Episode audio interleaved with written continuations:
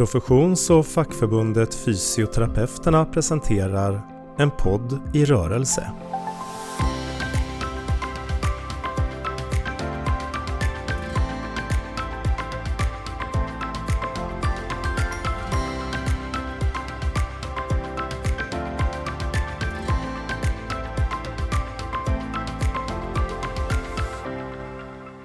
Eh, här sitter jag idag med Eva Ekvall Hansson som är ehm, fysioterapeut och forskare vid Lunds universitet.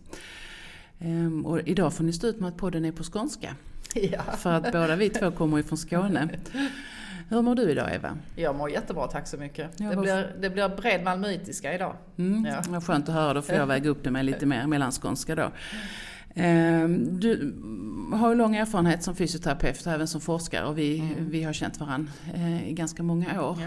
Ja. Um, hur, vill du börja lite grann med att gå bakåt, dina tankar kring hur yrket har eh, utvecklats? ja, jag har ju varit med länge som sagt eh, och det har ju varit en spännande resa. Eh, Inte minst eh, alla de organisationsförändringar som jag har blåst över en genom åren som man då till slut knappt bryr sig om för man vet att det kommer snart en ny. Eh, men eh, sjukgymnastrollen eller sjukgymnastprofessionen tycker jag har utvecklat sig mot en eh, högre grad av evidensbaserad fysioterapi. Jag tycker att vi är väldigt mycket bättre på att ta tillvara den forskning som finns. Och hälsovetenskaplig forskning som ju ofta eh, fysioterapi inbegriper har ju en snabb utväxling ut i kliniken. Och jag tycker, jag tycker att vår eh, yrkesgrupp, vår, vår profession är ganska duktiga på att ta vara på eh, forskning som bedrivs. Mm. Annars brukar man ju läsa just att forskning tar lång tid. Det tar lång Ja. tid innan man använder det. Ja. Så att när du säger snabb utväxling, Ja. vad, vad Ja, jag, tror, jag tror att det är så att, liksom att forskning i allmänhet kan ta upp till 20 år. Men om jag då tänker på min egen forskning kring, kring eh, balansträning och yrselträning och eh, olika diagnoser som det faktiskt fungerar på eh, så har det ju gått på några år. Och det är ju till och med så att det är svårt att forska på nya diagnosgrupper för den här träningsformen för att alla använder det liksom. Så när vi skulle göra en studie om s- vestibulär träning vid stroke så var det jättesvårt att få patienter för att ingen kollega ville, ville riskera att deras patient kom i en kontrollgrupp som inte fick just den behandlingen som de visste fungerade. Mm. Fastän just det inte då var på den gruppen var beforskat. Ja. Så verkligen snabb utveckling. utveckling. Vad tror du är anledningen till att eh, utväxlingen är snabb? Ja, därför att vi ofta bedriver kliniknära, patientnära forskning. Det, handlar, det, är, det är inte grundforskning på celler och, och sånt eh, för det mesta. Eh, utan det är liksom på eh, interventioner som fungerar och metoder vi använder och mätmetoder som vi använder och nya sätt att jobba på. Och inte minst kvalitativ forskning om hur folk har det, hur folk tar det. Mm. Det är ju liksom eh, ett starkt behov av den typen av forskning. Mm. Vi kommer att komma tillbaks till den evidensbaserade fysioterapin. Ehm, Och jag vet, jag vet att du forskar en del kring ehm, tekniska innovationer och är Mm, ganska mm. ehm, du är nytänkande i din forskning på många sätt. Okej, tack. Och också ett ganska brett forskningsfält. Ja, verkligen. Ja. Eh, Så vi ska prata lite framtid Ja. också tänker jag. Ja, spännande. Ehm, Om du tänker på, om du ser tillbaks på utvecklingen men också ser framåt, hur, vad, vad tror du blir eh, utmaningen för fysioterapeuter i framtiden? Eller vad tror du vi kommer behöva för någonting? för Ja, att- ja. Alltså ut, utmaningen för hela sjukvården är ju liksom eh, att befolkningen blir äldre och äldre. Eh, och att vi inte kommer att hinna med. Eh, utan att resurserna måste räcka. Så att eh, en utmaning för oss är ju då att vi måste jobba mycket mer preventivt. Vi måste jobba med att se till att folk är fysiskt aktiva, rör sig, lever på ett hälsosamt sätt. Så att man inte behöver insatsen från sjukvården eller från hemsjukvården eller hemtjänst och så. Mm. Det blir ju en jättestor utmaning från oss att verkligen skifta fokus till mera preventivt arbete. Mm, mm. Och hur tänker du att vi skulle kunna göra det? Jag känner att det gör vi ju redan idag ganska Ja, i mångt och mycket. ja. Eh, Hur? Ja, där tänker jag ju de här eh, tekniska innovationerna. För det är redan idag ganska många som faktiskt är väldigt intresserade av sin hälsa. Mm. Och alla har ju liksom eh, stegräknare i sina telefoner och eh, många har Fitbit-armband på sig. Och den trenden tror jag att vi kan fortsätta och, och jobba med och använda de här populära tekniska produkterna som ett hjälpmedel att eh, boosta, promota ett hälsosamt sätt att leva på, att röra sig på ett bra sätt. Mm. Som passar just den individen och den kunskapen som vi då besitter är ju att individualisera det här och ta det till den nivå och hjälp, som passar just den personen och hjälpa perso personer, patienter, eh, blivande patienter att hitta rätt i eh, djungeln av träningssätt och vad som passar just den individen. Mm. Det kan vi. Mm. Det är vi bra på. Mm, mm. Tänker du att det finns några andra utmaningar eller områden som känns är viktiga för oss som fysioterapeuter i framtiden? Eller kompetenser som vi behöver?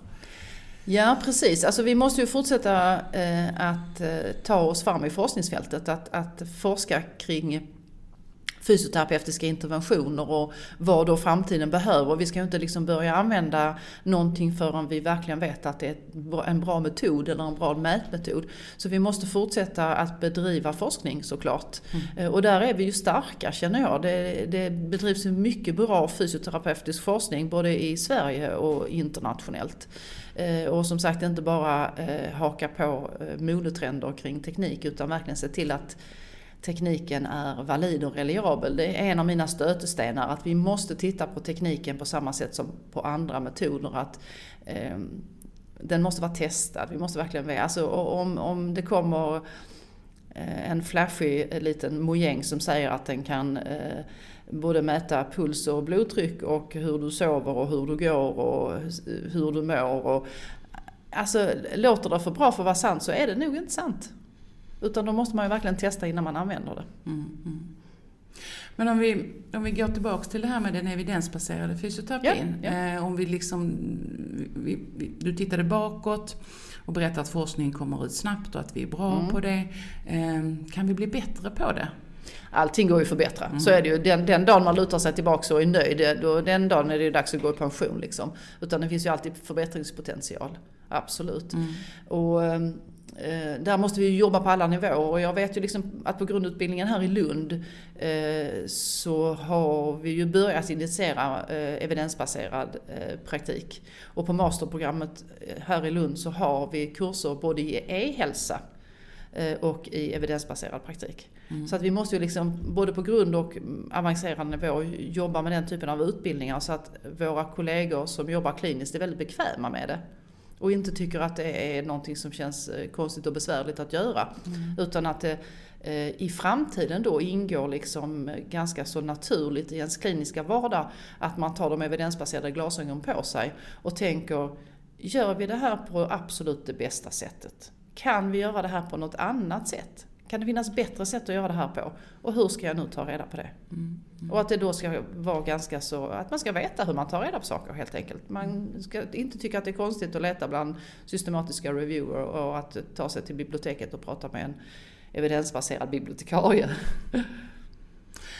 Jag tänker att eh, för det, jag har läst någon gång att när man eh, kommer ut från grundutbildningen eller man har gått ett masterprogram så är man ganska man är engagerad kring att mm. leta forskning och man vill mm. liksom verkligen göra det man gör på ett evidensbaserat sätt.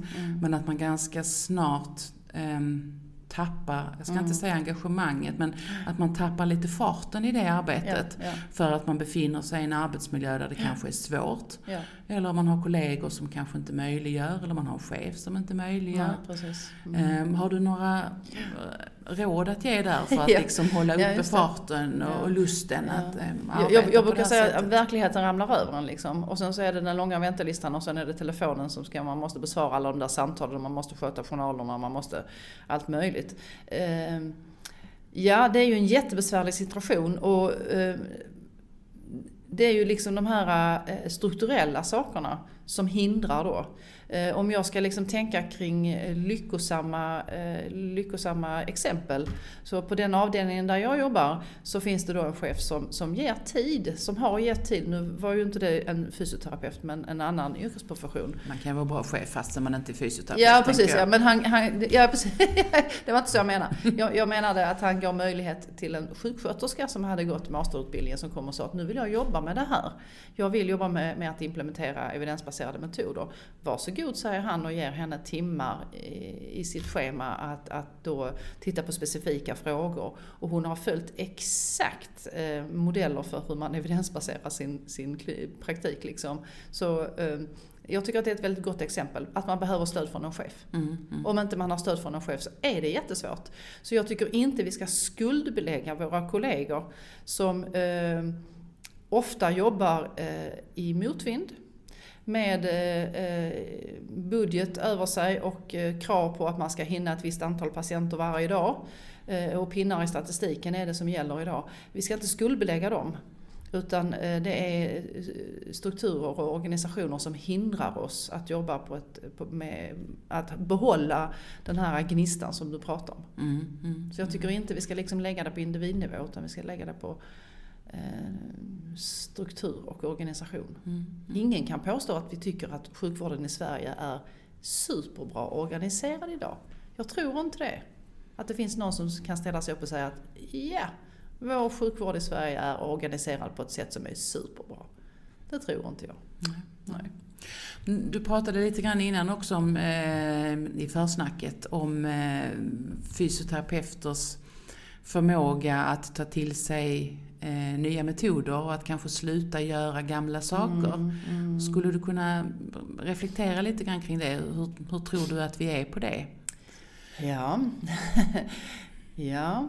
Hur bra är... Alltså det är också det är ju individnivå såklart och vilken kontext man jobbar i. Mm. För att om jag jobbar på en klinik där man pratar mycket om eh, arbetsmetoder och eh, vad som är evidensbaserat och vilken forskning som finns. Då tror jag att i den miljön är det jättelätt att säga att Nej, men vi, vi, vi, vi behöver nu titta på den här arbetsmetoden om vi verkligen ska fortsätta jobba på det här sättet. Finns det något bättre sätt? Men om, om man jobbar på en arbetsplats eh, där den eh, typen av anda inte finns så blir det ju jättesvårt. Så att eh, kontexten betyder ju jättemycket, omgivningen, sammanhanget, mm, mm. jättemycket. Mm. Och det i sig betyder ju att en individ som har eh, gått en grundutbildning i fysioterapi där man initierar evidensbaserad praktik, kanske har gjort sin master, kan göra jättestor skillnad. Genom att börja ställa de frågorna på den arbetsplatsen, genom att orka lite grann där i början där man, där man då eh, där man då har den här gnistan, ofta mm. när man är nyexad som fysio eller som master. Mm, mm. Nu har vi pratat lite grann om, väldigt kort i och för sig, men om teknisk innovation och ja. hur vi ska tänka kring dem. Vi har ja. pratat kring evidensbaserad fysioterapi, att det är viktigt nu och det är viktigt för framtiden. Det, har du någon mer tanke kring vad som kan bli viktigt för fysioterapeuter i framtiden? Ja, Ja, då tänker jag på eh, det som Kristina Opava pratade om på fysioterapidagarna. Hon pratade om det här att fysioterapeuter ofta har svårt att skifta fokus från att vara experten till att, att vara den som eh, mera coachar och kommer med råd. Och det tror jag är en av utmaningarna då i framtiden med, med, eh, de här kraven som kommer att ställa på oss med att faktiskt försöka jobba ännu mer preventivt än vad vi gör. Eh, inte minst med sekundärprevention. Eh, att då faktiskt släppa, kunna släppa expertrollen och, och vara mera en hälsopromotor. Mm. För vi har ju ofta förmånen att få träffa våra patienter under en ett antal besök. Liksom. Och man hinner prata ganska mycket med folk i gympasalen mm. kring livet i största allmänhet och eh, hur man tänker sig att framtiden ska se ut med träning och fysisk aktivitet och hälsorelaterade eh, val i livet. Liksom. Så jag har... tänker att det blir också ett mer personcentrerat förhållningssätt. Ja. Eh, istället för att ja. vara experten som ja. delar med sig av sin kunskap. Att man, att man lyssnar på patienten man har framför sig och ställer absolut. frågan vad som är viktigt för dem. Absolut, absolut. Och det är jättemånga kollegor som redan är väldigt duktiga och på den metoden att jobba. Jättemånga mm. kollegor. Mm. Jag ser det hela tiden tycker jag bland kollegorna här i Lund. Mm. Det som, jag tror också att det är många kollegor som är duktiga på det. Det jag funderar på är ibland hur mycket man reflekterar kring att det är det man gör. Ja. Och att man faktiskt pratar om att när vi arbetar så här så arbetar ja. vi personcentrerat. Ja. Nej, jag tror inte man tänker så. Utan man tänker mer eh, Eh, jag tror man, möjligtvis så tänker man kring eh, beteendeförändringar. För det är ofta det man är ute efter ju. Och det tycker jag följer varandra lite hand i hand. Att, att kunna eh, medverka till att en person förändrar ett beteende till något som är mer hälsosamt. Eh, då måste man ju jobba personcentrerat. För att annars så når man ju inte dit. Att mm, den förändringen sker liksom. Som eh, expert så är det ju helt kört liksom. Mm, mm. Om man anlägger den den rollen, mm. då kommer man ju ingenstans. Bevisligen. Det finns det ju evidens för. Mm, mm, mm. Spännande, tycker ja, jag. Verkligen. Ja. Och svårt. För man måste tänka utanför boxen. Mm. Och det, jag, jag, kan föreställa mig att det är många som tycker att det är mycket bekvämare att vara kvar i expertrollen. Där jag är trygg och där jag har jobbat med mina tekniker och mina metoder. Och jag vet vad jag pratar om för jag har gått de där kurserna och allt det där. Och att sen då liksom gå utanför det och luta sig tillbaks och lägga över saker i patientens knä. Liksom. Det kan jag tänka mig att en del tycker är eh, motigt. Mm, mm, mm. Där behöver vi stötta varandra ja, i den utvecklingen. Ja, mm. verkligen. Och jag känner också att vi behöver stötta varandra i utvecklingen av professionen. Ja. För vi kan inte, vi, vi kanske inte kan vara kvar i, den, i vårt biomedicinska synsätt utan vi måste um, snabba på utvecklingen kring det, alltså helhetstänkandet, se hela människan och jobba ja. med människan på ett annat sätt ja. än vad vi... Jag tycker det är jättemånga som har lämnat det biomedicinska synsättet. Ja. Till något helt annat. Ja, ja. Jo det tror jag också. Ja. Men jag tänker också att vi behöver, jag tror kanske att vi behöver snabba på den processen ja, okay. lite. Mm. Jag tycker, framförallt våra kollegor som jobbar inom psykiatri. Ja, självklart. De är mm. så duktiga. Mm. Vilken hjälp vi kan ha av deras sätt att jobba på. Mm, mm. Verkligen. Um, en sista fråga. Ja. Om du um, fick äran, uh, möjligheten, uh, vilket man nu väljer, att vara statsminister under några dagar. Ja. Vad skulle du eh, ta dig an då? Ja, just det. Man, man hinner ju kanske inte jättemycket på några dagar, men, men som jag lite grann nämnde här eh, innan när vi pratade, alltså sjukvården i Sverige skulle man troligtvis kunna organisera på ett annat sätt. Eh, och om jag då hade hunnit på några dagar så hade jag nog faktiskt försökt ta mig an att ändra strukturer. Eh, till exempel det här att vi har alla eh, landstingen kvar och att det är de som sköter sjukvården. Att man faktiskt har en ojämlik vård beroende på vilken landsdel du bor i. Mm. Det är ju helt, tycker jag, helt uppåt väggarna. Och vi måste skifta fokus och tänka mer preventivt mm. i sjukvården. Så det hade jag lagt eh, ner krut på. Mm. Mer forskningspengar till äldrevårdsforskning till exempel. Såklart. Såklart ja. ja. Men riva upp landstingen, satsa mer prevention och så mer ja. pengar till forskning. Ja. Mm. ja. Spännande. Ja. Tack så hemskt mycket Eva. Tack så mycket. Att du hade möjlighet att komma hit idag. Tack. En podd i rörelse presenterades av Fysioterapeuterna.